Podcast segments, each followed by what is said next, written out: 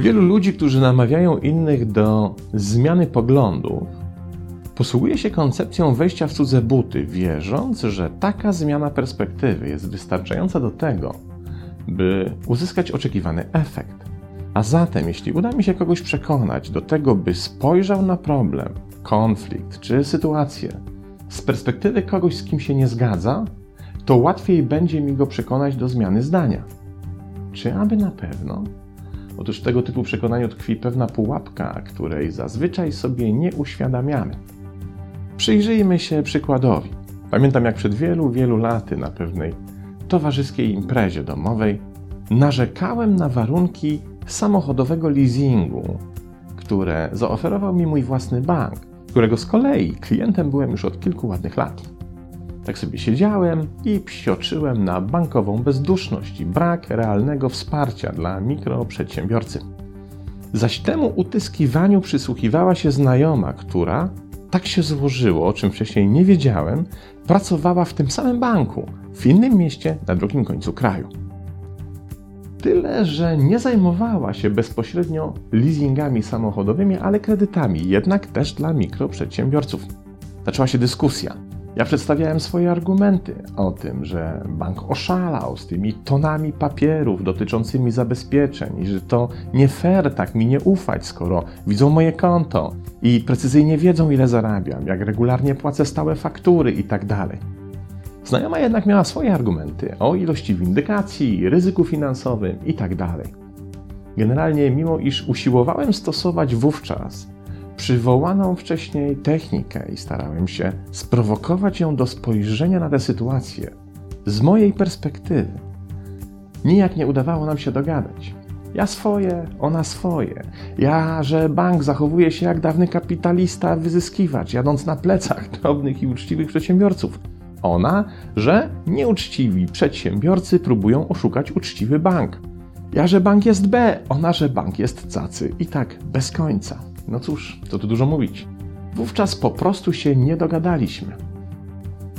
Ale jak wiadomo, historia lubi czasem zataczać koło. Minęło bowiem kilka lat od naszej sławetnej wymiany zdań, a spotkałem tę samą znajomą w pewnej miłej nadmorskiej knajpce. Okazało się, że od dłuższego czasu już nie pracuje w banku.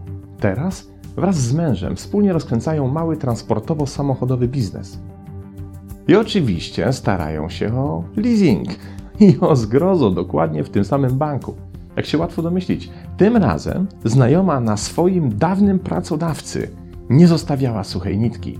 Teraz bank był B, a przedsiębiorcy byli cacy. Teraz bankowe procedury leasingowe w opinii znajomej były złodziejskie, skandaliczne i absurdalne, a w ogóle to banki są największym złem na świecie. O czym świadczy powyższy przykład? Pokazuje, że technika zmiany perspektywy na taką, która polega na spojrzeniu na problem czy też sytuację z punktu widzenia własnego adwersarza, nie zawsze jest skuteczna. Co więcej, w wielu przypadkach nie tylko nie prowadzi do wypracowania porozumienia, ale wręcz pogarsza sprawę, budując pomiędzy skonfliktowanymi stronami jeszcze solidniejszy i trudniejszy do przeskoczenia mur. Zanim jednak odpowiemy sobie, co jest odpowiedzialne za ten mechanizm, musimy się przyjrzeć wynikom jednych z niedawno ogłoszonych badań. Ogłoszono je 29 stycznia 2019 roku, zaś ich autorem była dr Katapano z Uniwersytetu Sanforda. Przebadano pół tysiąca uczestników eksperymentu w kontekście ich nastawienia do powszechnej opieki zdrowotnej, starając się wstępnie ustalić, na jakim poziomie znajduje się ich poparcie dla tej idei w Stanach Zjednoczonych. Następnie otrzymali oni informację, że w dalszej części badania mają się skontaktować z 22-latkiem z Ohio, którego poglądy były zdecydowanie przeciwne do badanych. Co więcej, grupę badawczą, w przeciwieństwie do grupy kontrolnej, poproszono o przygotowanie argumentów zbieżnych ze zdaniem 22-latka wykorzystując zmianę perspektywy. Innymi słowy, żeby zmienić własne zdanie, należało wymyślić argumentację zakładającą perspektywę widzenia oponenta, czyli wejście w jego buty. Okazało się, że część badanych po zmianie perspektywy nie tylko nie zmieniła swojego własnego zdania o opiece zdrowotnej, ale wręcz umocniła się w swoich dotychczasowych przekonaniach, a to oznacza, że istnieją sytuacje, w których nakłonienie kogoś do wejścia w buty swego oponenta nie tylko nie rozmiękcza jego dotychczasowej opinii, ale wręcz ją wzmacnia, powodując, że konflikt staje się jeszcze głębszy. Żeby potwierdzić lub obalić ten wynik, naukowcy przeprowadzili kolejne badania, tym razem już na 998 osobach w kontekście innego przekonania i problemu.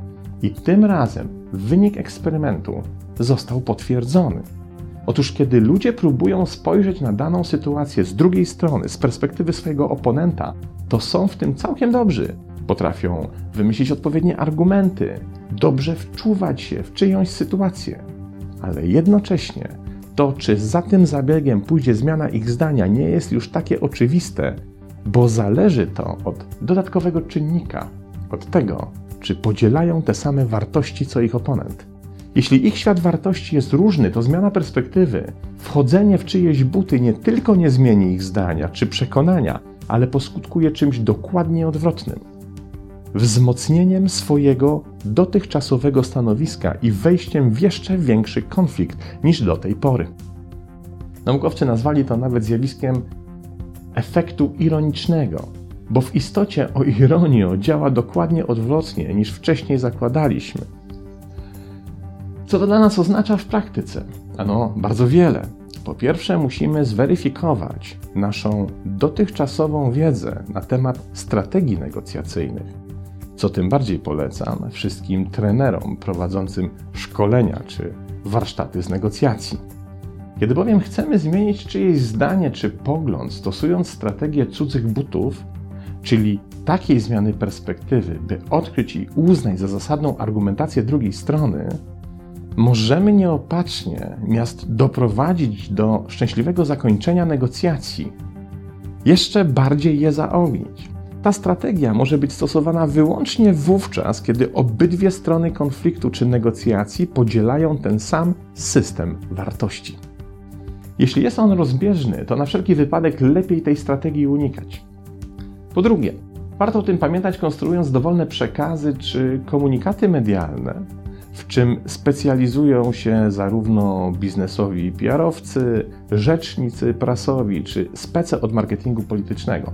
Jeśli komunikat skierowany jest do grupy celowej o innych wartościach, to sugerowanie w nim zmiany perspektywy wyłącznie pogorszy sprawę. Po trzecie, to niezwykle ważna i cenna wskazówka dla naszego prywatnego życia i wszelkich konfliktów w relacjach, które przecież przydarzają nam się częściej niż byśmy chcieli. Jeśli nie możesz się dogadać z matką czy ojcem, córką czy synem, szefem czy podwładnym, mężem czy żoną, to wiedz, że nie wszystkie rodzaje argumentacji rozwiązują problem. Niektóre z nich go wyłącznie jeszcze bardziej rozgrzeją. Argumentowanie w stylu: Gdybyś spróbował czy spróbowała spojrzeć na przedmiot naszego sporu z mojej perspektywy, to byś od razu odpuścił czy odpuściła, bo kiedy zobaczysz, co to dla mnie oznacza i z czym się wiąże, to przestalibyśmy się o to wiecznie kłócić. Może przynieść skutek jedynie w sytuacji, kiedy osoba, do której wypowiadasz te słowa, ma taki sam świat wartości. To oznacza, że ta osoba musi uznawać, że to, co dla ciebie jest istotne i ważne, jest tak samo ważne i istotne dla niej. A wbrew pozorom, Mimo iż żyjemy tak blisko siebie, możemy się w tych kwestiach znacząco różnić. To, co jest istotne dla żony, może kompletnie nie mieć znaczenia dla męża. To, jak widzi istotność rzeczy, sytuacji czy zachowań rodzic, może być kompletnie odmienne od tego, w jaki sposób na te same rzeczy, sytuacje czy zachowania patrzy dziecko. To, co stoi po stronie wartości u szefa, przełożonego czy menadżera, może być kompletnie bez znaczenia dla pracownika. Ale na tym nie koniec problemu. Przecież świat wartości wraz z naszym życiem się dla nas zmienia. To, co było dla nas istotne 5, 10 czy 15 lat temu, obecnie już takie istotne nie jest, a za 5, 10 czy 15 lat może się jeszcze wielokrotnie zmienić. Chcąc się zatem dogadać z drugą osobą, z którą tworzymy relację, niezależnie od tego, czy jest to relacja rodzinna, prywatna czy zawodowa, musimy brać pod uwagę nie tylko to, czy na poziomie wartości występuje pomiędzy nami określona zgodność, ale też to, czy na pewno nasza wiedza co do wartości drugiej strony jest aktualna. I to zdaje się jest odpowiedź na pytanie, czemu mimo wysiłków i starań tak często nie potrafimy się ze sobą dogadać. Nie tylko jako znajomi, rodzina czy pracownicy tej samej firmy, ale też jako społeczność czy naród. Поздравим!